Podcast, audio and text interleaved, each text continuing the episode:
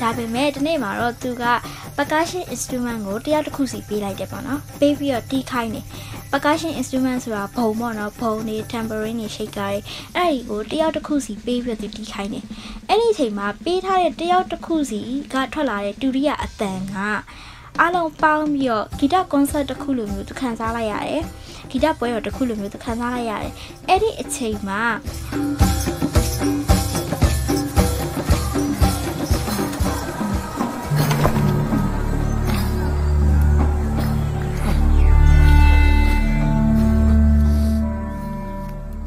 ဒီဇက်ဝင်ကန်ရဆိုရင်လေကျွန်တော်အတွက်ဆိုရင်တော်တော်လေးခွန်အားဖြစ်စေပါတယ်အာကျွန်တော်ဆိုလို့ရှိရင်ဖះသွားတဲ့အခါလီကတစ်တွေတက်ရမှာအရန်ကြောက်ပါတယ်ဘယ်နေရာပဲသွားသွားပါလီကတစ်တွေတက်ရမှာအရန်စိုးရင်ပါတယ်တော့တခါတလေစူးစားမတက်ကြည့်ပဲနဲ့လက်လျှော့ခဲ့တဲ့အချိန်တွေလေးရှိခဲ့ဘူးလေမ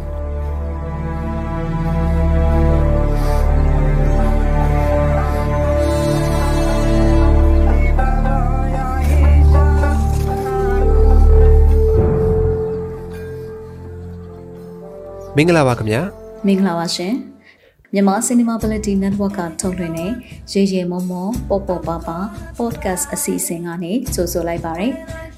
ဒီအစီအစဉ်ကမြန်မာလူမှုနယ်ပယ်မှာမတန်ဆွမ်းမှုအသိပညာတွေမြင့်တင်ပေးနိုင်ဖို့မတန်ဆွမ်းအတိုင်းဝိုင်းကဖြစ်ရဆုံးကဏ္ဍဆောင်ကိုမတူညီတဲ့ရှုထောင့်ပေါင်းစုံကနေလွတ်လပ်ပွင့်လင်းတဲ့တွေးခေါ်ဆင်ခြင်နိုင်မှုတွေနဲ့မျှဝေလူကြားသူတွေရဲ့အတန်တွေကိုပြုစုပြောင်းထောင်ဖော်ထုတ်ပေးနေခြင်းဖြစ်ပါတယ်။ ဒီစီစဉ်ကိုအပတ်စဉ်စနေနေ့ည9:00နာရီတိုင်းကျမတို့ရဲ့ Facebook စာမျက်နှာနဲ့ anchor.fm/mca network တို့ကနေစောင့်မျှော်နားဆင်နိုင်မှာဖြစ်ပြီး Anchor ကနေအခြားသော Apple Podcast, Google Podcast, Spotify, Breaker တို့အပြင် MCA Network ရဲ့ YouTube Channel မှာလည်းတွားရောက်နားထောင်နိုင်ပြီဖြစ်ကြောင်းညွှန်စွာအသိပေးလိုပါတယ်။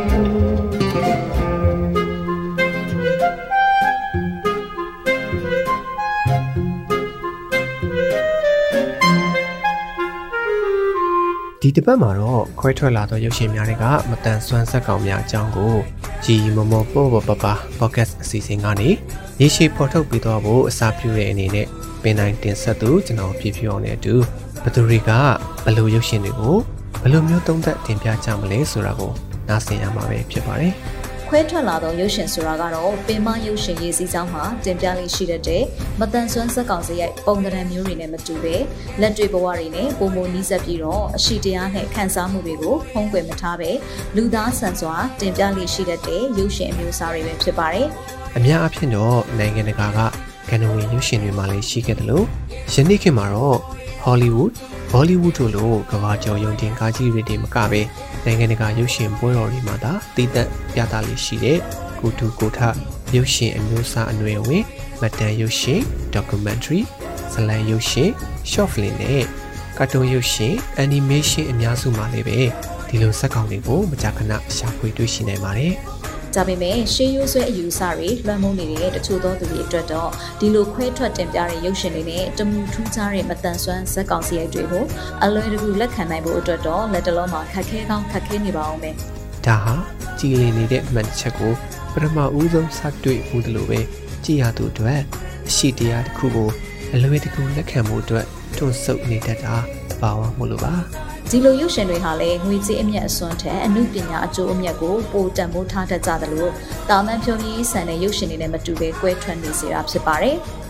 မိတ်ဆွေတို့အနေနဲ့လည်းဒီလိုရုပ်ရှင်တွေကိုအခါအခွင့်အသင့်တဲ့အခါအွန်လိုင်းပေါ်မှာဖြစ်ဖြစ်ရုပ်ရှင်ပွဲတော်မှာဖြစ်ဖြစ်ရှာဖွေကြည့်ရှုနိုင်မှုအတွက်လည်းတစ်စိတ်တစ်ပိုင်းအမြင်ဖွင့်ကူညီပေးသွားကြမှာဖြစ်လို့ကျွန်တော်တို့ရဲ့အစီအစဉ်မှာ နောက်နောက်ပါဝင်တင်ဆက်လူသူများအနေနဲ့လည်းမိမိတို့ကြည့်ရှုထားတဲ့ရုပ်ရှင်တွေကထူးခြားတဲ့မတန်ဆွမ်းဆက်ကောင်တွေကိုနောက်ပိုင်းညမှာအတူပါဝင်တင်ဆက်နိုင်မှုအတွက်လည်းတပါးရင်ဖိတ်ခေါ်အပ်ပါတယ်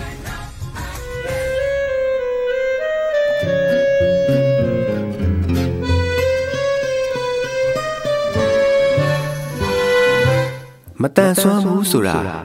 အမြင်တစ်ခုပါလုံနိုင်စွမ်းကတော့ကိုယ့်ရဲ့ယုံကြည်ရာပေါ့ One little finger One little home Like a dream you and me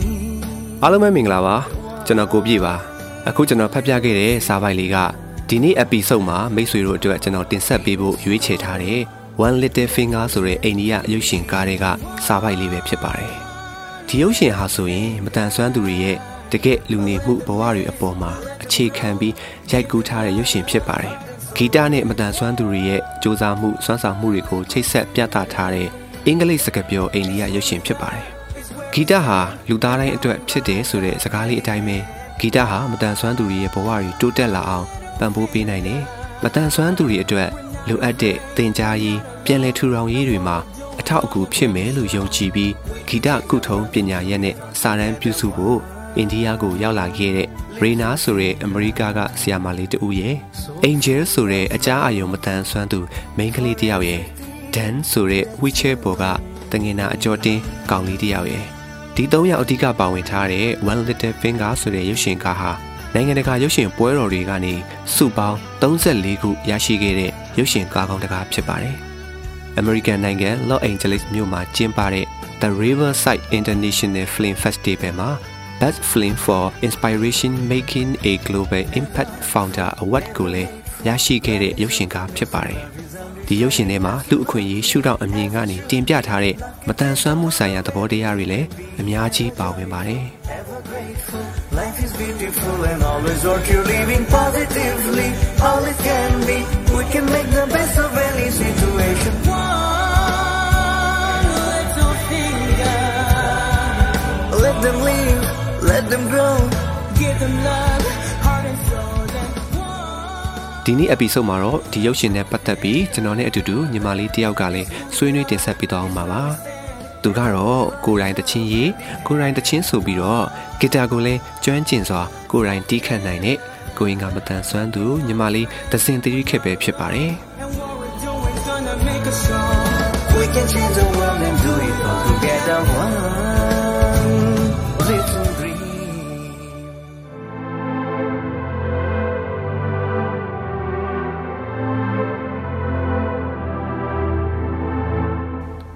မင်္ဂလာပါရှင်ညီမနာမည်ကတော့သဇင်သီရီခက်လို့ခေါ်ပါတယ်ဝိချက်အသုံးပြုသူကိုရင်ကမတန်ဆွမ်းသူတူပဲဖြစ်ပါတယ်အမျိုးသားယဉ်ကျေးမှုနဲ့အမှုပညာတက္ကသိုလ်ဂီတမီဂျာမှာဒုတိယနှစ်တက်ရောက်နေတဲ့ကျောင်းသူတူလည်းဖြစ်ပါတယ်ညီမကမွေးတုန်းကတော့တန်ဆွမ်းသူတွေနဲ့အတူတူပါပဲညီမလေးလာအရွယ်သမီးမှာဘယ်ဘက်လက်မောင်ယူစာကျိုးခဲ့တယ်အဲကနေနောက်ပိုင်းတဖြည်းဖြည်းခြေထောက်ဒီပါဆက်ကျိုးတယ်ပေါ့နော်ညီမအယူကကျိုးပြီးတော့ရင်ကွေးနေတယ်အဲ့ဒါကြောင့်မလို့ညီမလက်မလျှောက်နိုင်တော့ဘဲနဲ့ဝိချက်အသုံးပြုခဲ့ရတယ်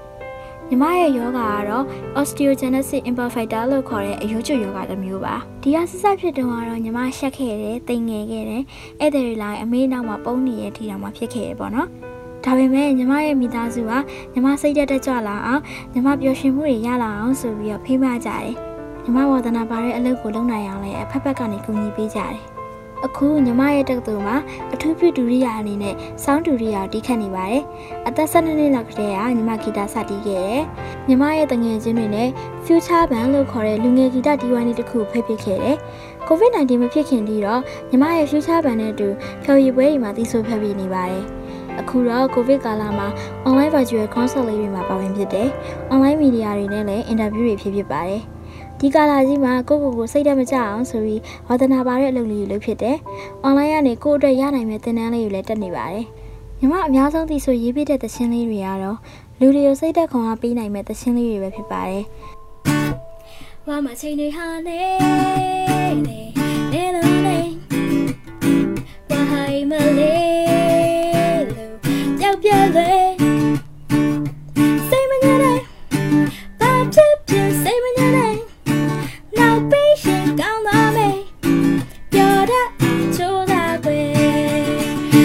မမငိုတဲ့ရင်အကောင်းဆုံးပဲဝါဟိုင်တဲ့ဆန်လို့ခံချတယ်စိတ်မညတဲ့ဘာဖြစ်ဖြစ်စိတ်မညတဲ့နောက်ပေးရှင်ကောင်းသွားမယ်ပြောတတ်ချိုးတာကွယ် Hey စိတ်မညတဲ့အားလုံးကိုစိတ်ဖိစီးမှုတွေစိတ်ညစ်စရာတွေနာကျင်ခံစားမှုတွေကနေရုံထွက်နိုင်အောင်တစ်ဖက်တစ်လမ်းကနေကူညီခြင်းပါတယ်။ အဲဒီအတွက်ကြောင့်မလို့လဲ music therapist လို့ခေါ်တဲ့ဂီတခုထုံးပညာရှင်တစ်ယောက်ဖြစ်ဖို့ကညီမရဲ့အိမ်မက်တစ်ခုဖြစ်လာခဲ့တယ်။ညီမရဲ့မရောက်နိုင်သေးတဲ့အိမ်မက်တွေကိုရှိသမျှစွမ်းရည်နေနဲ့အကောင်းဆုံးကြိုးစားသွားမှာပါဂီတလောကရဲ့ဝင်ဝင်လာခြင်းမှာတော့အခက်အခဲတွေစိန်ခေါ်မှုတွေကတော့တော်တော်များများကြုံခဲ့ရတယ်ညီမကတာမန်လူတွေနဲ့မတူတဲ့ဝီချဲအသုံးပြုသူမတန်ဆွမ်းသူတစ်ယောက်ဖြစ်တာကြောင့် stage ပေါ်တက်ရတဲ့အခက်အခဲပဲဖြစ်ပါတယ်နောက်ထပ်စိန်ခေါ်မှုတစ်ခုကတော့လူတွေရဲ့အမြင်ပေါ့နော် ဟုတ်ရောဟုတ်ရဲ့လားဖြစ်နိုင်မှာမလားဆိုတဲ့ဆိုရလာတဲ့အမြင်တွေပဲဖြစ်ပါတယ်လူတချို့ရဲ့ရှေးရိုးကြတဲ့အမြင်တွေကြောင့်မတန်ဆွမ်းသူတွေဆိုရင်အုံနာမကောင်းတဲ့သူဆန်းဆောင်နိုင်ရည်မရှိတဲ့သူလို့ထင်ကြမြင်ကြတယ်အဲ့ဒါကြောင့်မလို့လေအရင်တော့ဆိုရင်ညီမတို့မတန်ဆွမ်းသူတွေကိုမတန်မဆွမ်းဆိုပြီးတတ်မှတ်ခေါ်ဆိုခဲ့ကြတယ်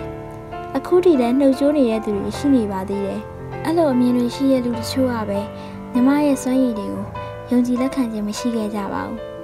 stage ပေါ်မတက်ခင်တပုတ်ပဲနော်တပုတ်ပြီးရင်ပြန်ဆင်းပါဆိုပြီးအထင်သေးစွာပြောဆိုခြင်းကိုလည်းခံခဲ့ရတယ်။ဒါပေမဲ့တတိချာချာလေးလာတင်ကြားထားမှုတွေကြောင့်အဲ့လိုပြောခဲ့တဲ့သူတွေစီကပဲယုံကြည်မှုရလက်အနေနဲ့နောက်ထပ်နှစ်ပုတ်လောက်ဖျော်ဖြေပေးပါအောင်ဆိုတဲ့တောင်းဆိုမှုတွေကိုရခဲ့တယ်။နောက်ထပ်ဖျော်ဖြေပွဲတွေကိုလည်းဆက်ပြီးဖိတ်ခေါ်ခြင်းခံခဲ့ရတယ်။ညီမတို့မတန်ဆွမ်းသူတွေကလည်းလုံနိုင်ပါတယ်ဆိုပြီးအမြင်မတူခဲ့တဲ့သူတွေကို ချပြဝင်ရခဲ့တယ်။အတန်ဆွမ်းသူတွေကတန်ဆွမ်းသူတွေနဲ့အတူတူပါပဲဆိုပြီးလူအလုံးရဲ့ယုံကြည်မှုရတဲ့အထိညီမစူးစမ်းသွားမှာပါဒီထက်လည်းပိုပြီးစူးစမ်းသွားအောင်ပါပါရှင်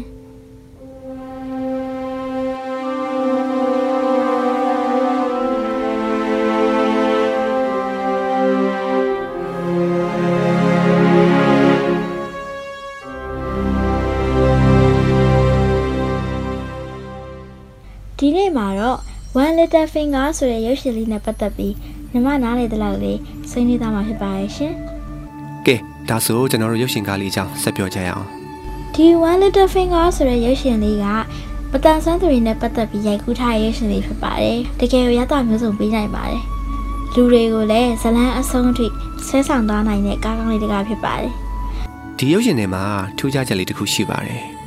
ဒါကတော့ ဒီထဲမှာပါဝင်တဲ့မတန်ဆွမ်းဇက်ကောင်တွေဟာဆိုရင်တကယ့်မတန်ဆွမ်းသူတွေဖြစ်ပါတယ်ဒီထဲမှာအကြအယုံမတန်ဆွမ်းသူပါတယ် CP လို့ခေါ်တဲ့တငင်နာအကျော်တင်ကိုရင်ကမတန်ဆွမ်းသူတွေပါတယ်ဒေါင်းဆန်ဒရုံညံရင်မတန်ဆွမ်းသူတွေအပါအဝင် အခြားသောညံရင်မတန်ဆွမ်းသူတွေလည်းပါဝင်နေပါတယ်ဒီမတန်ဆွမ်းဇက်ကောင်တွေနေရာမှာတရုတ်ဆောင်အစ်စ်တွေနဲ့တရုတ်ဆောင်ခဲ့မယ်ဆိုရင်တော့ဒီကဒီလောက်ထိနာမည်ကြီးပြီးစုတွေရလိမ့်မယ်လို့ကျွန်တော်တော့မထင်ဘူး အဲပြီးတော့ဒီမတန်ဆွမ်းသူတွေရဲ့တရုတ်ဆောင်ချက်တွေဟာဆိုရင်လေပရိသတ်ရဲ့အာရုံကိုတကယ်ပဲဖန်ဆားနိုင်ခဲ့ပါတယ်ဘာလို့လဲဆိုတော့သူတို့ဟာတရုတ်ဆောင်နေတာမဟုတ်ဘူးဗျသူတို့ရဲ့အရှိတရားအတိုင်းကိုပဲလှုပ်ပြသွားကြတာလို့ကျွန်တော်တော့ဒီလိုပဲခံစားမိတယ်ကဲဇလန်လေးကိုဆက်ပြီးတော့ခန်းစားကြည့်အောင်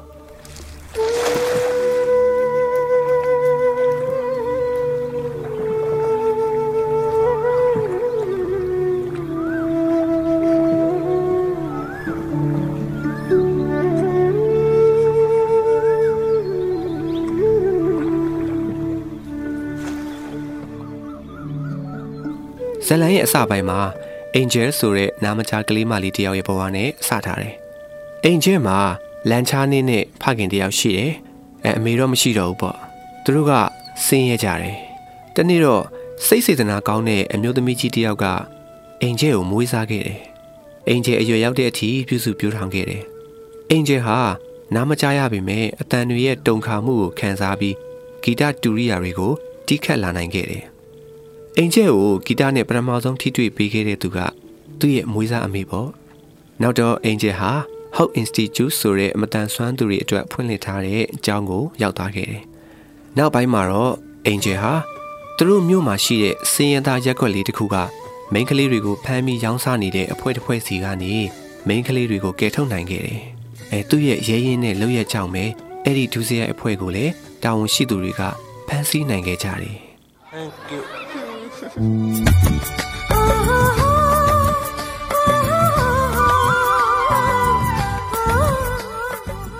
ာက်တစ်ယောက်ကဒန် CP လို့ခေါ်တဲ့တငယ်နာအကျော်တင်းမတန်ဆွမ်းမှုရှိတဲ့သူအဝီချဲအသုံးပြုရတဲ့သူပေါ့ငယ်ငယ်ကလေးကစကားမပြောနိုင်ခဲ့ဘူးတင် जा ရေးပိုင်းတွေမှာလည်းအခက်အခဲရှိခဲ့တဲ့သူပေါ့မိဘနှစ်ပါးရဲ့ပံ့ပိုးမှုနဲ့အတူဒန်ဟာစကားကောင်းကောင်းပြောလာနိုင်ခဲ့တယ်စိတ်သက်ခွန်အားတွေလည်းအများကြီးရခဲ့တယ် သူ့အပေါ်မှာငယ်ငယ်လေးတွေကအရန်ကောင်းခဲ့တဲ့တငယ်ချင်းမလေးတယောက်လည်းတန်းမှာရှိခဲ့တယ်ရွယ်သူចောင်းသားတွေတန်းကိုအနိုင်ကျင့်နိုင်အမြဲကာကွယ်ပေးခဲ့တဲ့သူလေးပေါ့အရွယ်ရောက်လာတဲ့တနေ့ဒန်ကအဲ့ဒီကောင်မလေးပေါ်မြစ်တာရှိနေကြောင်းဖွင့်ဟပြောခဲ့တဲ့အခါကောင်မလေးကခါခါတီးတီးပဲဒန်ကိုညှင်းဆန်ခဲ့တယ်ဒန်အရန်ကြေကွဲခဲ့ပြီးစိတ်တက်လည်းကြခဲ့ရတယ်ဒါပေမဲ့သူ့အမေရဲ့ခွန်အားပေးမှုတွေကြောင့်ဒန်ဟာအားအင်တွေပြန်ရခဲ့တယ် အဲတနေ့တော့ဒန်ရဲ့အဖေဆုံးပါသွားခဲ့တယ်ဒါကြောင့်ဒန်ဟာအလုပ်ရဖို့လိုအပ်လာတယ်အလုပ်ရဖို့ကြိုးစားရင်းနဲ့နောက်တော့ဒန်ဟာအတန်လွင့်ဌာနတစ်ခုမှာအလုပ်ရသွားခဲ့တယ်အစီအစဉ်တင်ဆက်သူတယောက်အထိပါဒန်ကဖြစ်လာခဲ့တယ်ပိုင်ရှင်တွေလုံပေါ်ကင်ဘက်တွေကလည်းဒန်ရဲ့အရေးအချင်းကိုအတိအမှတ်ပြုခဲ့ကြတယ်လေ One little finger, one like a dream, you and me. ညီမအတွက်ကတော့ဒီကားရဲ့နာမည်အစပြီးတော့ဆက်ဆောင်ခံခဲ့ရတာဘယ်လိုမျိုးလဲဆိုတော့ကားနာမည်လေးက One Little Finger တစ်ဖက်မှာလည်းမတန်ဆွမ်းသူတွေနဲ့ပတ်သက်ပြီးရိုက်ကူးထားတာဆိုတော့ဘယ်လိုမျိုးစိတ်ဝင်စားအောင်ရိုက်မလဲဆိုပြီးတော့ညီမသိချင်ခဲ့တယ်ဒါပေမဲ့နာမည်ရဲ့အဓိပ္ပာယ်ကိုအစမှလည်းလုံးဝနားမလည်ခဲ့ဘူးနောက်ဆုံးအဆုံးမှာတော့အဲဇောမင်ခန်းလေးတစ်ခန်းပေါ့နော် ဒန်နဲ့အင်ဂျင်နဲ့လက်တန်းချင်းချိတ်ပြီးတော့ပြီးသွားတဲ့အခန်းလေးမှာမှအော်ဒီရုပ်ရှင်နာမည်ရဲ့အဓိပ္ပာယ်လေးကဒီလိုဆိုတာသိတော့တယ်ညီမအမြင်ကတော့ one little finger ဆိုတာလက်တန်းကိုရည်ညွှန်းတယ်လို့ထင်ပါတယ်ညီမတို့လက်ကိုကြည့်လိုက်မယ်ဆိုရင်လက်တန်းလေးကအစွန်ဆုံးအပြင်ဘက်မှာပဲရှိနေပါတယ်ဒါပေမဲ့လူအားလုံးသတိမထားမိရဲ့အချက်တစ်ခုကတော့လက်တန်းလေးရဲ့ဖြစ်တည်ပုံအသုံးဝင်ပုံပဲဖြစ်ပါတယ် အမြဲတမ်းလက်ငါးချောင်းမှာဘယ်လက်ချောင်းကအသုံးဝင်ဆုံးလဲလို့မေးလိုက်ရင်တချို့ကဖြေကြတယ်လက်မတချို့ကလည်းလက်ညှိုးအစားရှိသဖြင့်ပေါ့နော်အားလုံးကလက်တန်းရဲ့ဖြစ်တည်မှုအသုံးဝင်ပုံကိုမေ့နေကြတယ်ဒါပေမဲ့လက်တန်းလေးကပစ္စည်းတစ်ခုခုကိုတိတိမိမိကင်နိုင်မို့ဆိုရင်အရန်ရေးပါတဲ့လက်ချောင်းလေးတစ်ခုဖြစ်ပါတယ်လက်ငါးချောင်းမှာတစ်ချောင်းနဲ့တစ်ချောင်းသူ့နေရာနဲ့သူအကုန်ရေးပါတာပေါ့နော် အဲ့ဒါကြောင့်လေတဘာဝတရားကြီးကလက်ငါးချောင်းဖန်ဆင်းပေးထားတာပေါ့အဲ့လိုပဲညီမတို့မတန်ဆွမ်းသူတွေကိုလက်တန်းလေးနဲ့တင်စားလိုက်မယ်ဆိုပါစို့ညီမတို့မတန်ဆွမ်းသူတွေကိုအားလုံးကလက်တန်းလေးလိုပဲအားနွဲ့တယ်အသုံးမဝင်နိုင်ဘူးလို့ယူဆကြတယ်ဒါပေမဲ့လက်တန်းလေးရဲ့အသုံးဝင်မှုကိုတည်တည်ချာချာလေ့လာလိုက်မယ်ဆိုရင်သူဘယ်လိုတွေစမ်းဆောင်နိုင်လဲသူ့မှာဘယ်လိုအားရရှိရဲဆိုတာသိနိုင်တယ်ခုနကပြောခဲ့သလိုပေါ့နော် ပစ္စည်းတစ်ခုခုကိုထိထိမိမိကင်နိုင်မို့ဆိုရင်လက်တန်းလေးကအရေးပါသလိုလူလောကကြီးကိုလည်းဒီထက်ပိုပြီးပြည့်ပြည့်စုံစုံလှလှပပဖြစ်အောင်ဖန်တီးနိုင်မှုလက်တန်းလေးနဲ့တူတဲ့မတန်ဆွမ်းသူတွေကိုလည်းတကယ်ကိုလိုအပ်ပါတယ်ဒါပေမဲ့အခုတတိမတန်ဆွမ်းသူတွေကိုခဏအသီးသီးတွေဖြစ်တဲ့ပညာရေးအလုပ်ကိုင်ခွင့်လန်းတွေမှာမတန်ဆွမ်းသူတွေရဲ့ရုပ်ပိုင်းဆိုင်ရာကြောင့်ချန်လက်ချင်းခံနေရတော့မှာပဲအဲဒီအတွက်ကြောင့်မလို့လူရည်လို့ဖြစ်လာပြီဆိုရင် လူနဲ့တူတဲ့ဘေးရမစိုးတမိုးရှိရဲဆိုတာကိုလက်ခံပြီးကြပါတမိုးထားပြီးကြပါလို့ပြောချင်ပါတယ်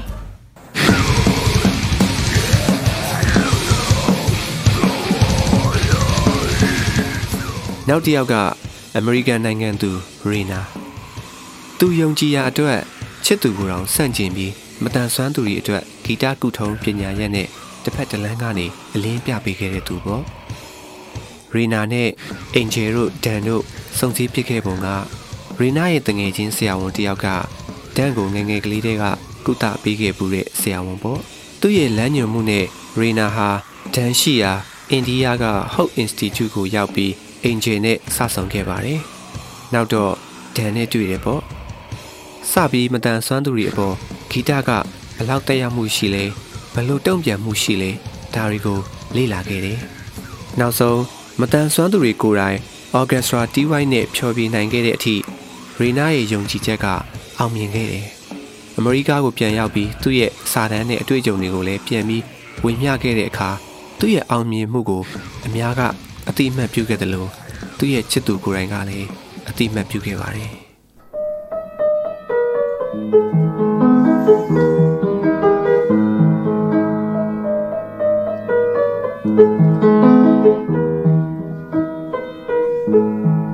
ဒီကာရက်တာ၃ယောက်ကိုကြည့်ရင်တယောက်ချင်းစီမှာအခက်အခဲတွေစိန်ခေါ်မှုတွေကိုယ်စီရှိကြတယ်တယောက်ကနားမကြဘူးမိန်းကလေးလည်းဖြစ်တယ်အနိုင်ကျင့်မှုတွေခံရတယ်စိတ်ဒဏ်ရာတွေရှိတယ်တယောက်ကဝီချဲနဲ့ကိုရင်ကမတန်ဆွမ်းသူဖြစ်တယ်သူလည်းအနိုင်ကျင့်ခံရတယ်စိတ်ဓာတ်ကြတွေဖြစ်ခဲ့တယ်နောက်တစ်ယောက်ကြပြန်တော့လေသူ့ရဲ့ယုံကြည်ချက်တွေကိုအတိအမှတ်ပြုမခံရဘူးအလောင်းခံရတယ်အထင်သေးခံရတယ်ဒါပေမဲ့သူတို့နောက်မဆုတ်ခဲ့ဘူးမလျှော့တမ်းစူးစမ်းတယ် နောက်ဆုံးမှာအောင်မြင်မှုရခဲ့ကြတယ်အဲ့တော့ဒီကားလေးထဲမှာထူးခြားတာကဒီ character 3ယောက်ရဲ့ဘဝဖြစ်စဉ်ပဲ3ယောက်ကိုအခုလိုခွဲထုတ်ပြီးကြည့်လိုက်တဲ့အခါမှာ3ယောက်လုံးရဲ့ဘဝအနှိမ့်အမြင့်အတက်အကျတွေကအတူတူပဲအဲဖြစ်ရတဲ့တာကွဲသွားတာပေါ့နော်သဘောတရားကတော့အတူတူပါပဲ character တိဆောက်ထားတာကိုအရန်ကောင်းတယ်လို့ကျွန်တော်မြင်တယ်အဲ့တော့တယောက်ချင်းစီတိုင်းမှာရုန်းကန်ရတဲ့လူတဘာဝကိုထင်းသားတွေ့ရတယ်လေဒီလိုလူ၃ယောက်ကတနေရာထဲမှာစုံပြီး အောင်မြင်မှုတွေရဖို့အတူတူစူးစမ်းခဲ့ကြတယ်အဲ့တော့ဘလောက်ပဲခက်ခဲပါစေစူးစမ်းရင်တနေ့အောင်မြင်မှာပဲဆိုတဲ့ခွန်အားတွေလည်းရတယ်အဲ့တော့မိတ်ဆွေတို့ရောမတန်ဆွမ်းသူညီကောင်မောင်နှမတွေရောဒီရုပ်ရှင်ကိုမဖြစ်မနေကြည့်တင်တယ်လို့ကျွန်တော်ကတော့တိုက်တွန်းချင်ပါတယ် One child in 20 is disabled, but physical disability is not a chance, unfortunate occurrence. It's part of the human life cycle. Living consequence.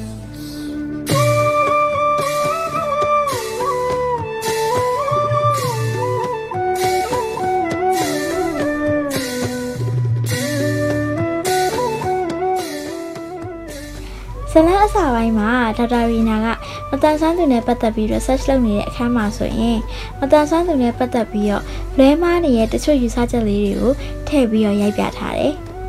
အဲ့ဒီအခန်းမှာဒေါက်တာရီနာကကလေးအယောက်20မှာတစ်ယောက်ကတော့မတန်ဆန်းသူဖြစ်နိုင်တယ်။မတန်ဆန်းသူတွေရဲ့ရုပ်ပိုင်းဆိုင်ရာမတန်ဆန်းမှုကကန်ဆိုးလို့အကြောင်းရင်းတိုက်ဆိုင်လို့မဟုတ်ပါဘူး။ဒါကလူဘဝဆက်ဝန်းရဲ့အစိတ်အပိုင်းတစ်ခုသက်သက်ပါပဲတဲ့။ဟုတ်ပါတယ်။အားလုံးဟာလူဘဝရဲ့အစိတ်ပိုင်းတစ်ခုခုမှာမတန်ဆန်းဖြစ်လာနိုင်ခြင်းရှိပါတယ်။အသက်အရွယ်ကြီးမှအိုမင်းလာလို့မဟုတ်ဘဲနဲ့ဘဝကိုဖျက်ဆီးနေရင်းနဲ့ပဲကြုံတွေ့ရတတ်ပါတယ်။ ရုပ်ပိုင်းဆိုင်ရာမတန်ဆန်းမှုကအရင်ဘဝအတိတ်ကံကြောင့်လည်းမဟုတ်သလို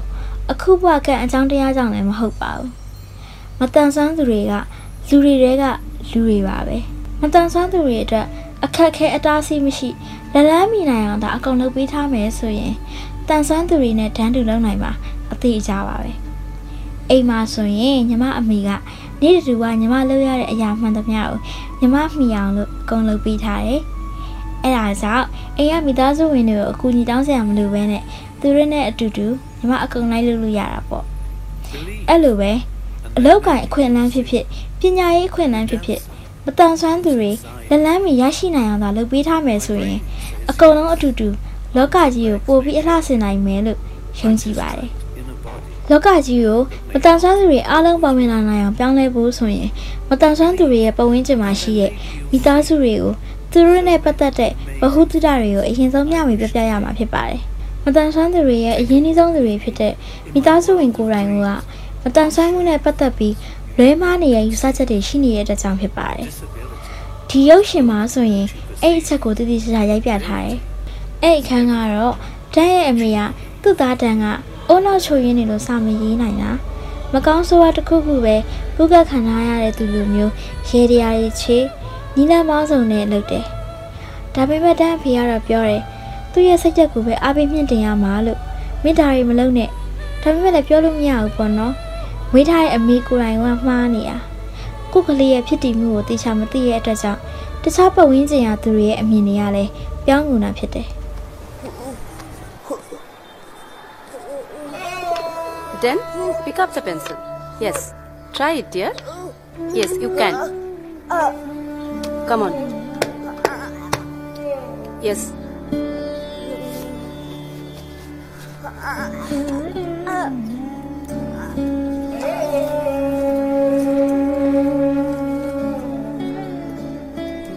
The school needs to encourage his mind, not his handicap. The right solution will come. What is all this? Huh? Are we supposed to continue to join the miracle revolution? အဲ့လိုအဖြစ်မျိုးကိုအဖြစ်မှမျိုးမျိုးတွေ့ရတယ်။အမ်တိတ်မကြသေးခင်ရက်ပိုင်းရပဲအော်တဇင်ကလေးတယောက်ရဲ့အမေကသူ့သားလေးကအော်တဇင်ကလေးဆိုတာသူမသိဘူး။ autism ဆိုတာဘာလဲဆိုတာလည်း तू မသိဘူးမတန်ဆွမ်းသူဆိုတာတော့မှ तू မသိဘူးပေါ့နော်နောက်ပိုင်းစာသင်လို့မရမှာကိုအရန်စိုးရိမ်နေရအဲ့တော့ညီမအမိနဲ့ညီမကမတန်ဆွမ်းမှုဆိုတာဘလို့ autism ကလေးဆိုတာဘလို့မျိုးဆိုတာပြပြလိုက်တယ်စာသင်လို့မရတာလုံးဝမရှိဘူးတည်တည်ချာချာလေ့ကျင့်ပေးမယ်ဆိုရင်တန်ဆွမ်းသူတွေနဲ့တန်းတူအကုန်လုံးနိုင်တယ်လို့ပြောလိုက်တယ်။ audition တွေထဲမှာတော့မှအရန်တော်ပြီးအောင်မြင်တဲ့သူတွေဖြစ်သွားတာအများကြီးဆိုပြီးတော့တာတကားတွေဥပမာရင်းနဲ့ပြပြီးရှင်းပြမှာပဲနားလေသဘောပေါက်သွားတော့တယ်။အဲဒီတော့မှပဲသူ့ရဲ့သားလေးကိုရှေ့ဆက်ပြီးဘာတွေဆက်လုပ်ပေးရမလဲဆိုတာကိုတည်တည်ချာချာသိသွားတော့တယ်။ အဲ့လိုပဲဒီကားထဲမှာလဲတန်းရဲ့မိဘတွေကဒေါက်တာကလော်ဒီယာနဲ့ဆွေးနွေးမှုခံယူပြီးမှသူတို့ရဲ့သားလေးကအုံနောက်ချုပ်ရင်းနေရမဟုတ်ဘူးဆိုတာကိုသိတယ်။အဲဒီနောက်မှာလဲဒေါက်တာကလော်ဒီယာနဲ့ကုသမှုခံယူလိုက်တော့ဒန်ကစကားလေးပြောလာနိုင်တယ်။စာလေးရေးလာနိုင်တယ်။မတန်ဆွမ်းသူနဲ့ပတ်သက်ပြီးလူတွေရဲ့အဆိုးရဆုံးတတိချယုံကြည်ချက်ကတော့ရုပ်ပိုင်းဆိုင်ရာချိုးရင်းချက်ရှိတာနဲ့ပဲအလိုလိုအုံနောက်ပိုင်းချိုးရင်းသွားပြီလို့ထင်ကြတာ။အဲ့လိုအတွေ့အကြုံကညီမကိုယ်တိုင်လည်းကြုံမှုတယ်။ ဘယ်လိုမျိုးလဲဆိုတော့ညီမအတန်းပညာသင်ကြားနေတဲ့အရွယ်တုန်းကပေါ့နော်အဲ့အရွယ်တုန်းကလူတစ်ယောက်ကညီမကိုမေးတယ်။ကျောင်းနေလားတဲ့အတန်းပညာသင်ကြားရမယ့်အရွယ်ရှိတဲ့ကလေးတစ်ယောက်ကိုမေးတယ်မိကွန်းကကျောင်းနေလားတဲ့အဲ့တော့ညီမကလည်းဟုတ်ကဲ့နေပါရဲ့ပေါ့အဲ့တော့သူထပ်မေးရဲ့ဘယ်နှစ်တန်းရောက်ပြီလဲတဲ့ဟုတ်ကဲ့ညီမက9တန်းပေါ့နော်အဲ့ဒါ9တန်းဆိုတော့9တန်းရောက်ပါပြီလို့ပြောတော့ဟာတဲ့တော်ရနော်တဲ့ဒီအရွယ်အောင်ဒီအတန်းအောင်ရောက်ပြီတဲ့ အဲ့တော့ညီမတမျိုးတော့ခံစားလိုက်ရတယ်။ဘာဖြစ်လို့လဲကိုရမ်းရောက်တဲ့အရွယ်ကလေးတယောက်ကကိုရမ်းရောက်နေတာထူးဆန်းလို့လား။ညီမကိုချီးမွမ်းတာလက်ခံပေမဲ့ဒါပေမဲ့တခြားတန်ဆွမ်းတဲ့ကလေးတွေနဲ့တန်းတူတော့ညီမကိုမြင်စီခြင်းတယ်။အဲ့ဒါလေးပါပဲ။တကယ်ဆိုးရတဲ့အတွေ့အကြုံကြီးပေါ့နော်။ The baby rhino got frightened. And then the young elephant brings the branch down and put it over his head to give shelter to the baby rhino. And thunder broke down. And the ညီမအရင်သဘောကျတဲ့ဇာတ်ဝင်ခန်းလေးတစ်ခန်းရှိရဲ့။အဲ့ဒီခန်းလေးကဒန်ကသူ့ရဲ့တငယ်ချင်းကောင်မလေးကသူ့အချစ်ကိုညှင်းလိုက်တဲ့အချိန်မှာဒန်စိတ်မကောင်းဖြစ်ပြီးတော့တိမ်ငယ်နေတော့ သူ့အမေကပုံမြင်လေးပြပြတယ်။အဲ့ဒီမှာနောက်ဆုံးပြောသွားတဲ့စကားလေးကိုအရင်သဘောကျတယ်။သူများတွေနဲ့တဟဇာတာဖြစ်ဖို့ကရဲရင်ပြီးထင်ပေါ်နေဖို့လိုတယ်တဲ့။အဲ့ဒီစကားလေးကိုတရားရခိုင်နဲ့ညီမလက်ခံတယ်သဘောတူတယ်။ညီမအမေကလည်းညီမအဲ့လိုပဲပြောတယ်။သူများကတစ်ကိုစူးစမ်းရင်ကိုကလည်းအဲ့တစ်ကိုပဲသူများထက်နှစ်ဆစူးစမ်းရမယ်တဲ့။အဲ့ဒါကြောင့်ညီမစူးစမ်းတယ်။အဲ့လိုဖြစ်အောင်လည်းလုပ်တယ်။ တန်ဆွမ်းသူတွေကြားထဲမှာထမ်းတူနေနိုင်အောင်ရဲရဲရင်းရင်းနဲ့ညီမမှာရှိရဲ့စွမ်းအားအကုန်လုံးနဲ့စူးစမ်းတယ်။အဲ့ဒီအတွက်ကြောင့်မလို့အခုဆိုရင်ညီမစူးစမ်းမှုနဲ့ထိုက်တဲ့လောက်ညီမကိုအသိမှတ်ပြုပေးတဲ့သူတွေလည်းရှိလာပြီ။နောက်ထပ်သူတို့စိတ်မပြတ်သွားအောင်ပဲပိုစူးစမ်းဖို့ရှိရပါတော့။ Now, my point is that sometimes the best way to fit in with others is to be brave and stand up.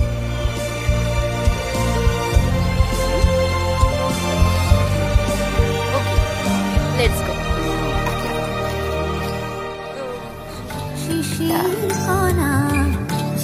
What's right in your ideal world? Ramp in every public place. Roll a mine on my chair. Actually, I wish I could. I guess what I mean is, I wish everyone had the ability to put themselves in each other's position. နောက်တစ်ခုညီမကိုအပြုံးမရက်နိုင်အောင်လုပ်နိုင်တဲ့ဇာဝင်ခန်းလေးတစ်ခန်းရှိတယ်။အဲ့ဒီအခန်းက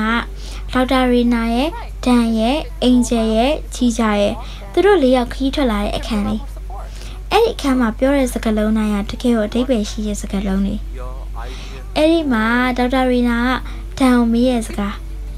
ရှင်ဖြစ်စေခြင်းတဲ့ကဘာကြီးကဘယ်လိုမျိုးလဲတဲ့။အဲ့တော့ဒန်ကပြန်ဖြေတယ်။နေရာတိုင်းမှာစင်ကြီးရှောရှိနေရတယ် ဝိချက်နဲ့တမိုင်လောက်လှိမ့်သွားလို့ရတာပေါ့တဲ့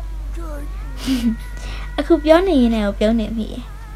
တကယ်ညီမတို့လူဝိချက်သမားတွေတက်အလိုချင်ဆုံးကပါကြီးပါပဲနေရာတစ်ခုခုသွားလို့စင်ကြေရှောရှိရဲ့နေရာကညီမအတွက်တော့ဘလောက်ပဲခီးပန်းနေပါစေအမောပြေစီရယ်သူများတွေကိုအကူအညီတောင်းပြီးမှခံရမှာညီမအရန်အားနာတယ်အဲ့ဒါကြောင့်လဲနေရာတိုင်းမှာစင်ကြေလျှောရှိစေချင်တာကညီမရဲ့အိမ်မက်တစ်ခုလိုဖြစ်လာတယ်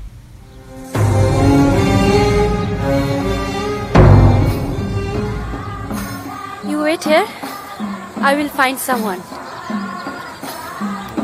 It is my hope that by bringing to light the value music brings to our vulnerable population,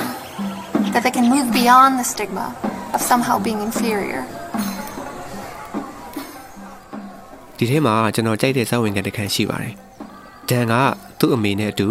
ဖះเจ้าကိုလာတဲ့အခန်းဖြစ်ပါတယ်။အဲ့တော့ဟိန္ဒူဖះเจ้าပေါ့နော်။အဲ့တော့ဒန်နဲ့သူ့အမေကဖះเจ้าရှေ့ရောက်တဲ့အခါမှာ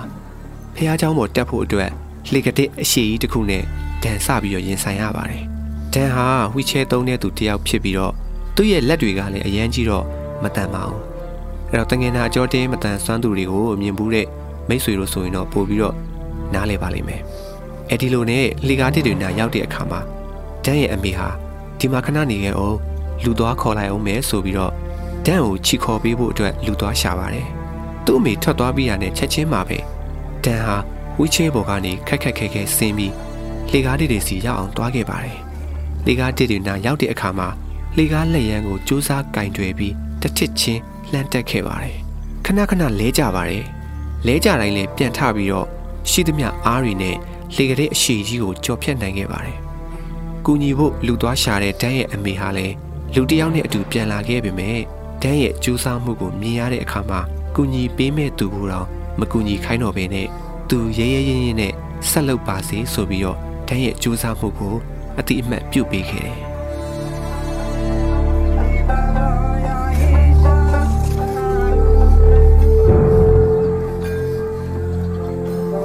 Wait. Let him be brave. That's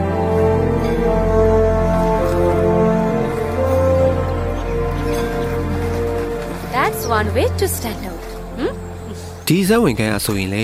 ကျွန်တော်အတွက်ဆိုရင်တော်တော်လေးခွန်အားဖြစ်စေပါတယ်။အော်ကျွန်တော်ဆိုလို့ရှိရင်ဖျားသွားတဲ့အခါလီကတစ်တွေတက်ရမှာအရန်ကြောက်ပါတယ်။ဘယ်နေရာပဲသွားသွားပါ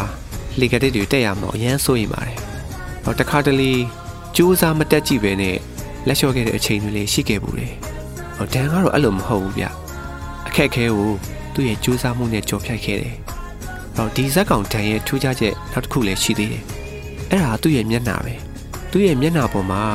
တန်းရဲ့ရဲရဲမှုကြိုးစားမှုဒါတွေကိုအထင်းသားတွေ့ရတယ်။ပြီးတော့သူ့ရဲ့မန်ပေါ့နော်။လေကားတက်တဲ့ဇက်ဝင်ကမ်းမှာဆိုရင်သူ့မျက်နှာပေါ်ကမန်က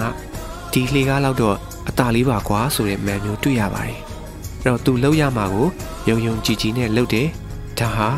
တန်းရဲ့ character ပဲ။တော့ကျွန်တော်တို့နိုင်ငံမှာလည်းဒီလို character မျိုးနဲ့ဇက်ကောင်တွေများများပေါ်ထွက်သင်ပြီလို့ခံစားမိပါတယ်။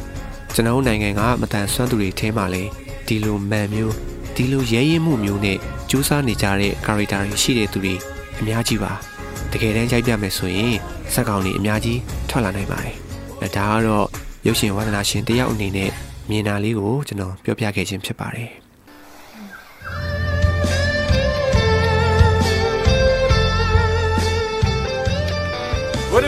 friends. Welcome to Radio India. This is Rennie, and we have a special guest in our studio, Dan Roy. And he is here to tell us about what a friend of his is up to over at the Hope Institute. Welcome, Dan. Good evening, ladies and gentlemen. Students with variety of developmental challenges are using music as a tool to facilitate their physical and academic goals. ဒီရုပ်ရှင်ထဲမှာမတန်ဆွမ်းမှုအပြင်အခြား အလှော်လေးတွေလည်းပါနေတာကိုတွေ့ရပါတယ်ဒါကတော့မတန်ဆွမ်းအမျိုးသမီးတွေအပါအဝင်အမျိုးသမီးအားလုံးအပေါ်အနိုင်ကျင့်စော်ကားတာအမျိုးသမီးတွေဟာကိုယ့်ရဲ့ခံစားချက်အယူအဆကိုယ့်ရဲ့အတန်ဒါတွေကိုထုတ်ဖော်ခွင့်မရတာဒီလိုအခြေအနေတွေကိုလည်းဒီရုပ်ရှင်ထဲမှာတွေ့ရပါတယ် Where's the rest? That's all That's all I could get for it You lie. And steal from me.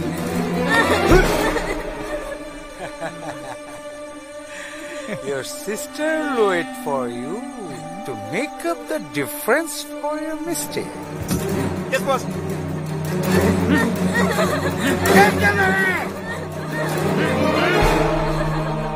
အဲ့တော့ဒီရုပ်ရှင်ကိုကြည့်ပြီးတဲ့အခါမှာကျွန်တော်စီမှာအတွေးပွားစရာတွေအများကြီးကြံခဲ့ပါတယ်အဲ့ တော့ဂီတရဲ့နူးညံ့မှုအကျိုးသက်ရောက်မှုဒါတွေကိုပို့ပြီးတော့ခန်းစားလာမိပါတယ်မတန်ဆွမ်းရုပ်ရှင်တွေကဆိုရင်အသိပညာပေးတာတသက်မဟုတ်ဘဲနဲ့ကျွန်တော်တို့ရဲ့အတွေးအခေါ်တွေကိုပြောင်းလဲစေတယ်ခံစားချက်တွေကိုပို့ပြီးတော့နှိုးချစေတယ်ခွန်အားတွေပို့ပြီးရစေတယ်လူဘဝရဲ့တကယ်အနှစ်သာရကိုလည်းပို့ပြီးတော့မြင်တက်လာစေတယ်အဲ့တော့မိတ်ဆွေတို့လည်းဒီရုပ်ရှင်ကိုမကြည့်ရသေးရင်ကြည့်ကြည့်ပါလို့ထပ်ပြီးတော့ပြောချင်ပါတယ် La la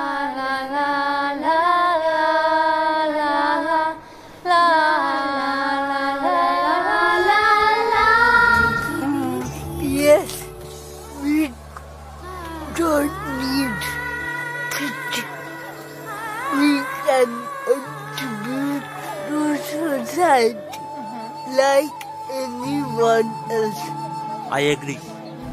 ချီချာပြောသလိုမျိုးငါတို့တနာစရာမလို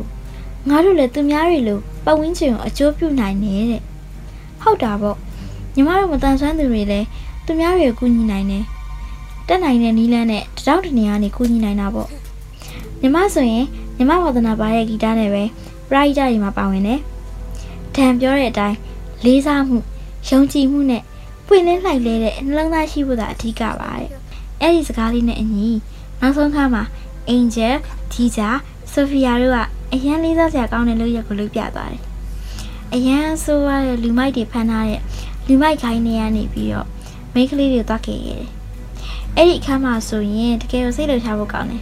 ။တခြားသူတွေသူတို့အမျိုးမျိုးကိုကြောင်းခဲ့ကြတယ်။အကုန်လုံးကလည်းသူတို့လူဆိုးကိုင်းနေရအရန်အန္တရာယ်ရှိရဲဆိုပြီးတော့ညှင်းဆိုခဲ့တယ်။ဒါပေမဲ့နောက်ဆုံးမှာသူတို့၃ယောက်ထဲရအောင်သွားခဲ့ထုတ်နိုင်ခဲ့တယ်။ရလာတဲ့တပ်သေးတွေကိုလည်းတန်ကနေတစ်ဆင့် မီဒီယာတွေကိုချပြနိုင်ပြီးလူဆိုးကိုင်းကိုနောက်ဆုံးမှဖမ်းနိုင်ခဲ့တယ်။တကယ်ကိုဂုဏ်ယူဖို့အရန်ကောင်းတဲ့လုပ်ရလေးပါ။လုံနိုင်တာထက်ပိုပြီးတော့လုပ်ရဲတယ်။တတိရှိရဲ့မတန်ဆွမ်းအမျိုးသမီးလေးတွေရှိတယ်ဆိုတာကိုဒီ One Little Finger ဆိုတဲ့ရုပ်ရှင်တွေကတတိပြသခဲ့တယ်။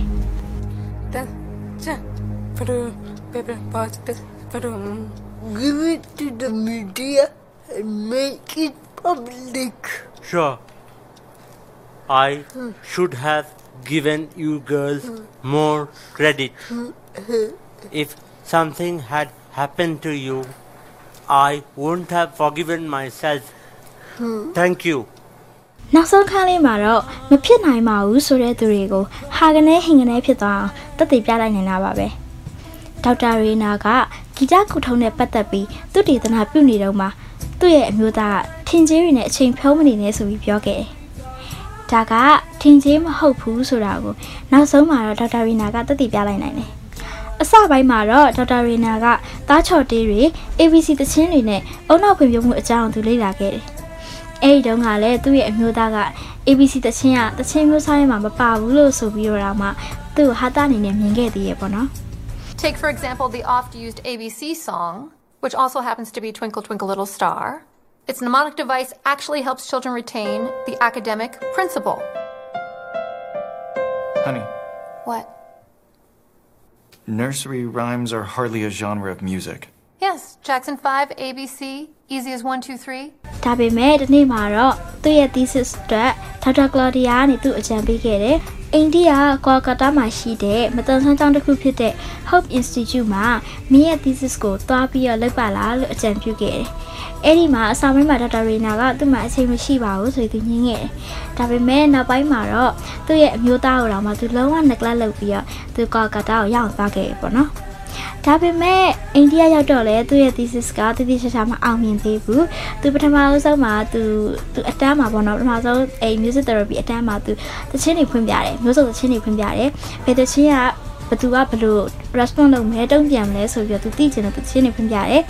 အဲ့တုန်းကလည်းတခြားမအောင်မြင်ဘူးပေါ့နော်နောက်ထပ်တန်ကနေပြီးတော့အကူအညီပေးလို့တဘာဝတရားနဲ့ပတ်သက်တဲ့အတန်တွေကိုလည်းသူစူးစမ်းခဲ့သေးရပေါ့နော်အဲ့ဒီအတန်တွေနဲ့စူးစမ်းခဲ့တော့လည်းသူအဆင်မပြေခဲ့သေးဘူး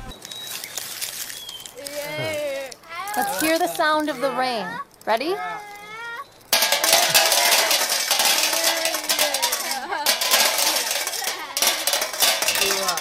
Now, lighter rain.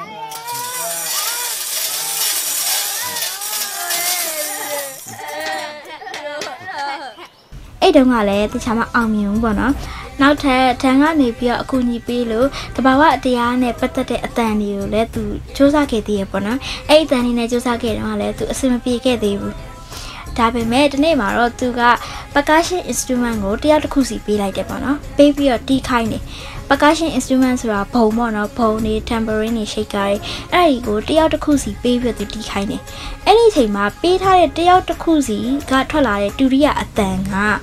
အလုံးပေါင်းပြီးတော့ဂီတကွန်ဆတ်တစ်ခုလိုမျိုးသူခန်းစားလိုက်ရတယ်ဂီတပွဲတော်တစ်ခုလိုမျိုးသူခန်းစားလိုက်ရတယ်အဲ့ဒီအချိန်မှာကျောင်းကြီးကတော့အကြံပေးသေးတယ်ဂီတပွဲတော်လေးလုပ်ပါလားတဲ့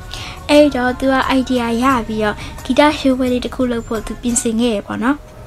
Okay, ready?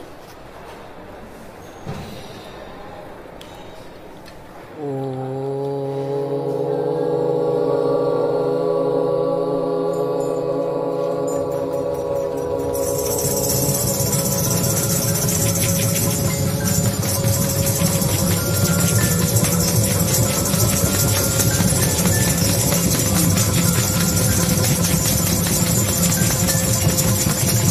ပြီးတော့အဲ့ဒီကျောင်းသူကြီးကပဲအိန္ဒိယရှေးဂီတအတွေးခေါ်ကျွမ်းကျင်သူဆီယာမကြီးတယောက်နဲ့လည်းမိတ်ဆက်ပြီးခဲ့တယ်။အဲ့ဆီယာမကြီးနဲ့တွေ့ပြီးတော့အဲ့ဆီယာမကြီးရဲ့အကူအညီနဲ့ပဲသူ့ရဲ့ကုထုံးတွေနဲ့ရှေ့ဆက်ဘာလုပ်ရမလဲဆိုတာကိုသူအကြံရခဲ့ရပေါ့နော်။အဲ့ဒီမှာဒေါက်တာရီနာနဲ့ခုနကဆီယာမကြီးနဲ့စကားပြောတဲ့အခန်းလေးပေါ့နော်။အဲ့ဒီအခန်းမှာဆိုရင်ဆီယာမကြီးကသူ့ရဲ့အတွေ့အကြုံကိုပြန်ပြီးမျှဝေပေးရပေါ့နော်ဒေါက်တာရီနာကို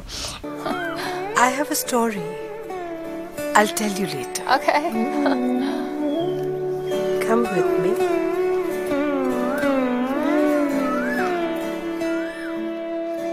အဲ့ဒါကဘာလဲဆိုတော့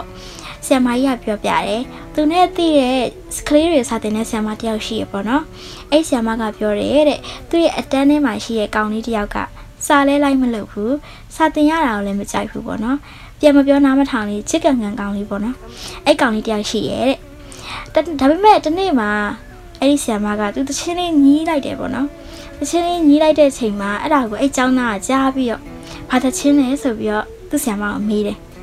အဲ့ဒီမှာဆီယမကနေပြီးတော့မင်းစာလို့ရင်ငါပြန်ဆိုပြမယ်လို့ပြောတယ်အဲ့ဒီနောက်မှာသူ့ရဲ့တပည့်ကစာရီလိုက်လုပ်ခဲ့တယ်ပေါ့နော်စာရီလိုက်လုပ်ပြီးတော့နောက်ပိုင်းစာကိုသူတေချာလိုက်လုပ်သွားတယ်တဲ့အဲ့တော့အဲ့တချင်းလေးကဘာတချင်းလေးလဲဆိုတော့ အာရာဂဘိုင်ရပ်ကိုအခြေပြုထားတဲ့တချင်းလေးပေါ့နော်အဲ့ဒီရာဂဘိုင်ရပ်ဆိုတာကအိန္ဒိယ classical sound ပေါ့နော်ဟိုးရင်တော့ရှေ့ရှေ့တော့တချင်းကြီးတွေပေါ့နော်မြန်မာမှာဆိုရင်မဟာဂီတလိုမျိုးတချင်းပေါ့နော်အဲ့ဒီတချင်းနေတဲ့အဲ့တချင်းကိုအခြေပြုထားတဲ့တချင်းတဲ့အဲ့တော့အဲ့တချင်းကဘာလဲဆိုတော့ဆမကြီးပြောတာပေါ့နော်ခုနအဲ့အိန္ဒိယအဲရှေးဂီတအတွေးခေါ်ပညာရှင်ပြောတာအဲ့တချင်းကနှလုံးသားကိုနိုးကြွားစေတယ်တဲ့ ပြီးတော့အဲ့တချင်းကိုကြားလိုက်တဲ့သူတိုင်းက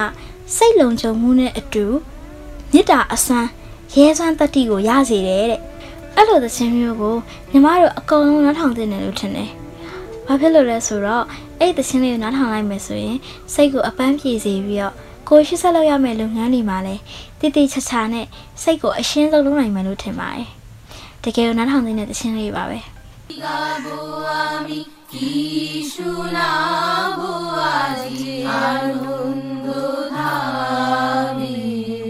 အဲ့လိုနဲ့ဒေါက်တာရီနာကခုနကပညာရှင်ဆရာမကြီးရဲ့အကူအညီနဲ့သူ့ရဲ့ thesis ကိုအကောင်းဆုံးလုပ်သားနိုင်ခဲ့တယ်ပေါ့နော်။နောက်ဆုံးမှာတော့သူရည်ရွယ်ခဲ့တဲ့ဂီတရှိုးပွဲလေးကိုသူလုပ်နိုင်ခဲ့တယ်။အဲ့ဒီဂီတရှိုးပွဲလေးက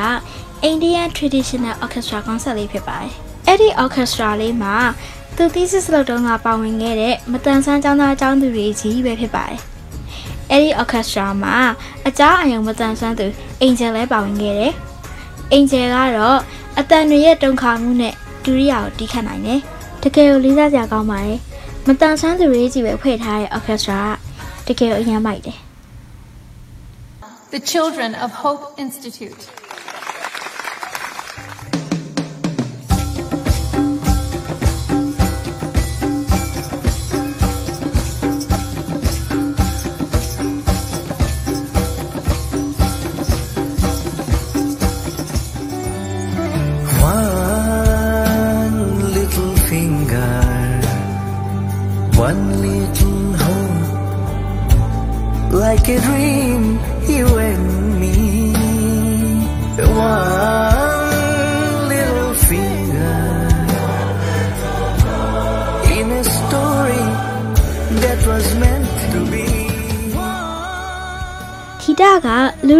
တွေရဲ့ကြောက်စိတ်တိမ်ငယ်စိတ်ကိုဖြေးပြောက်ပေးတယ်ဆိုတာညီမလက်တွေ့ပါ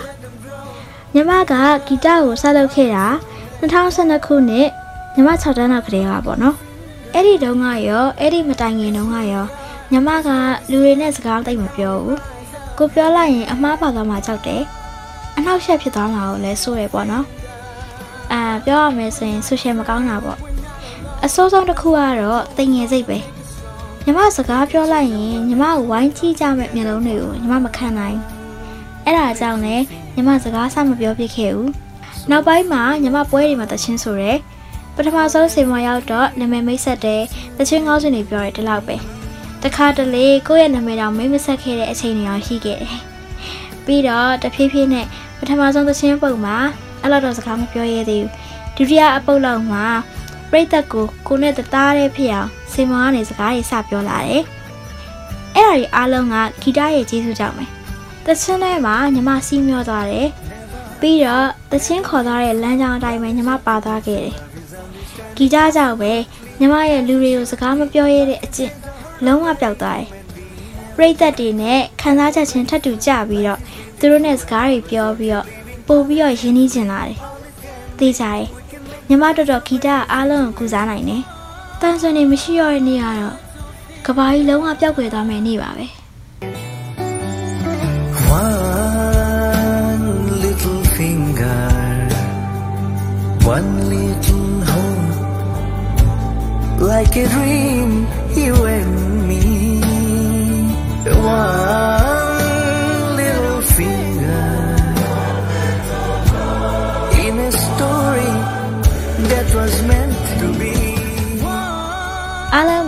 ပဲဒီ One Little Finger ဆိုတဲ့ရုပ်ရှင်လေးကိုမကြည့်ရသေးဘူးဆိုရင်မြန်မြန်ကြည့်ကြပါလို့တိုက်တွန်းချင်ပါတယ်။ဘာဖြစ်လို့လဲဆိုရင်ရတမျိုးစုံပေးနိုင်တဲ့ရုပ်ရှင်ကောင်းလေးတစ်ခုဖြစ်ပါတယ်။ Parallel ဇာတ်ကောင်လေးနဲ့အတူသူ့ရဲ့ဇာတ်အိမ်ကိုအဝင်ခွင့်ကြဖြစ်အောင်ရိုက်ပြထားနိုင်တယ်။ဒေါက်တာရီနာဆိုရင်သူ့ရဲ့ music therapy နဲ့ပတ်သက်တဲ့ thesis လုပ်တော့သူ့ရဲ့အရင်းအနှီးဆုံးဖြစ်တဲ့သူ့ရဲ့အမျိုးသားကလုံးဝအားမပေးခဲ့ဘူး။မင်းအပေါ်တွေလုပ်နေရပါဆိုပြီးတော့ပဲအမြဲတမ်းပြောခဲ့တယ်။ ဒါပေမဲ့သူလိုချင်တဲ့ပန်းနိုင်ကိုတော့နောက်ဆုံးရအောင်သွားနိုင်ခဲ့တယ်။အောင်မြင်တဲ့ thesis တစ်ခုကိုလည်းသူဖန်တီးနိုင်ခဲ့တယ်။ Angel ဆိုရင်လည်းသူငယ်ကသူ့ကိုမွေးစားခဲ့တဲ့အမေရှိရပေါ့နော်။သူ့မွေးစားအမေရဲ့အကိုသူ့ရဲ့ဦးလေးကနေပြီးတော့သူ့အမြဲတမ်းအနိုင်ကျင့်တယ်။အဲ့တော့သူကအရန်ကိုသူ့ဦးလေးဆိုသူအရန်ကိုကြောက်ရတယ်ပေါ့နော်။ ဒါပေမဲ့သူ Hope Institute ကနေသူပြန်လာခဲ့တဲ့အချိန်မှာသူ့ရဲ့ဦးလေးကိုသူလုံးဝမကြောက်တော့ဘဲနဲ့တရိပ်နဲ့ကိုဆိုင်နေတယ်။နောက်ပြီးတော့တန်းဆိုရင်လည်းသူငယ်တုန်းကစကားလည်းမပြောနိုင်ဘူးစားလည်းမရနိုင်ဘူး။ကျောင်းမှာဆိုရင်လည်းအမြဲတမ်းအနိုင်ကျင့်ပူကြခံရတယ်ပေါ့နော်။ဒါပေမဲ့နောက်ပိုင်းမှာသူစကားလည်းပြောနိုင်တယ်စားလည်းရေးနိုင်တယ်လူကြားထဲမှာလည်းရဲဝံ့ဝံ့နဲ့နေထိုင်ရဲတယ်။သူ့ဘဝရဲ့တစ်စစ်ချိုးအပြောင်းလဲဖြစ်တဲ့သူ့အဖေဆုံးသွားတဲ့အချိန်မှာတော့သူအလုပ်လုပ်မှရတော့မယ်ဆိုပြီးတော့သူအလုပ်ရှာခဲ့တယ်။ အဲဒီမှာရေဒီယိုဌာနတစ်ခုမှသူအလုပ်ရပြီးတော့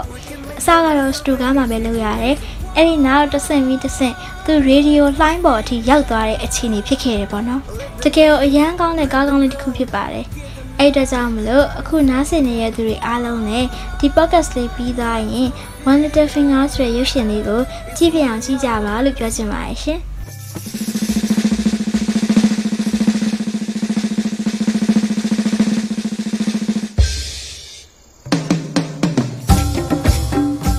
ဒီရုပ်ရှင်ထဲမှာကျွန်တော်အရှိမလည်းပြောခဲ့ပြီးပြီတကယ်မတန်ဆွမ်းသူတွေကိုယ်တိုင်တရုပ်ဆောင်ထားကြတာဖြစ်ပါတယ်ဒီလိုတရုပ်ဆောင်နိုင်ဖို့ပရိသတ်ကိုအဆုံးထိဆွဲခေါ်သွားနိုင်ဖို့ဆိုတာကဒီမတန်ဆွမ်းသူတွေဟာ6လလောက်လေ့လာပြင်ဆင်ခဲ့ရတယ်လို့လည်းသိရပါတယ်အဲ့တော့ဒီရုပ်ရှင်ရဲ့အဓိကဆိုလိုရင်းတစ်ခုဖြစ်တဲ့မတန်ဆွမ်းမှုဆိုတာအမြင်သက်သက်ပဲလုံနိုင်စွမ်းကတော့ကိုယ့်ရဲ့ယုံကြည်ရာဖြစ်တယ်ဆိုတဲ့တတနာဟာ ကျွန်တော်တို့တော့အများကြီးခွန်အားဖြစ်စေပါတယ် Take a walk with me in my world of dreams. I'll show you things you could not conceive. Disability is only what you perceive. Ability is everything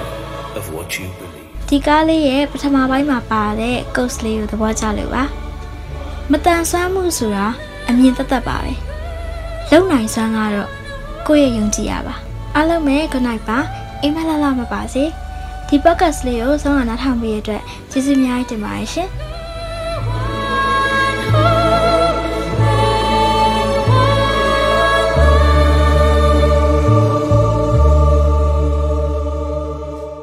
မတန်ဆွမ်းသူတွေနဲ့ပတ်သက်ပြီးတော့အသိပညာတွေပေးကြတဲ့အခါမှာစကားတွေအများကြီးပြောပြနေရထက်ဒီလိုရုပ်ရှင်တွေကနေပြောပြတာကပရိသတ်ကိုဆွဲဆောင်ပြီးသားလည်းဖြစ်စေတယ်လို့ နားလေရလဲလွယ်ကူစေပါတယ်အဲ့တော့စကားကြီးပဲပြောနေရင်စိတ်ဝင်စားမှုနည်းပါတယ်ရုပ်ရှင်ဆိုတဲ့အခြားခံ platform တစ်ခုကိုအသုံးပြုပြီးတော့ကိုပြောချင်တဲ့အကြောင်းအရာကိုထိထိမိမိပြောနိုင်ပါတယ်။နောက်ဒီလိုပြောလို့စကားပြောတာမကောင်းဘူးလို့ဆိုလိုချင်တာမဟုတ်ပါဘူးနော်။ကောင်းပါတယ်ပြောသင့်ပါတယ်။ဒါပေမဲ့ဒီလိုဖန်တီးမှုမျိုးတွေလည်းများများထွက်ပေါ်လာစေချင်ပါတယ်။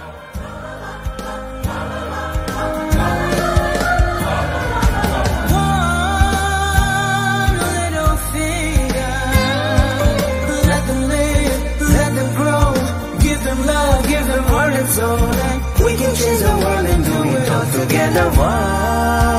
One little finger, one little hope. ကဲမိတ်ဆွေတို့ရေ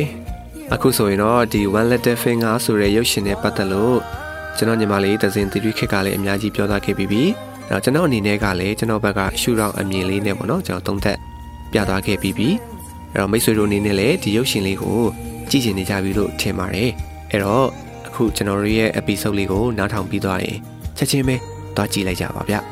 အခုလိုနားထောင်ပေးခဲ့ကြတဲ့မိတ်ဆွေတွေအားလုံးကိုကျေးဇူးတင်ပါတယ်နောက်ထပ် episode တွေမှာပြန်လည်ဆုံတွေ့ပါမယ်ခင်ဗျာ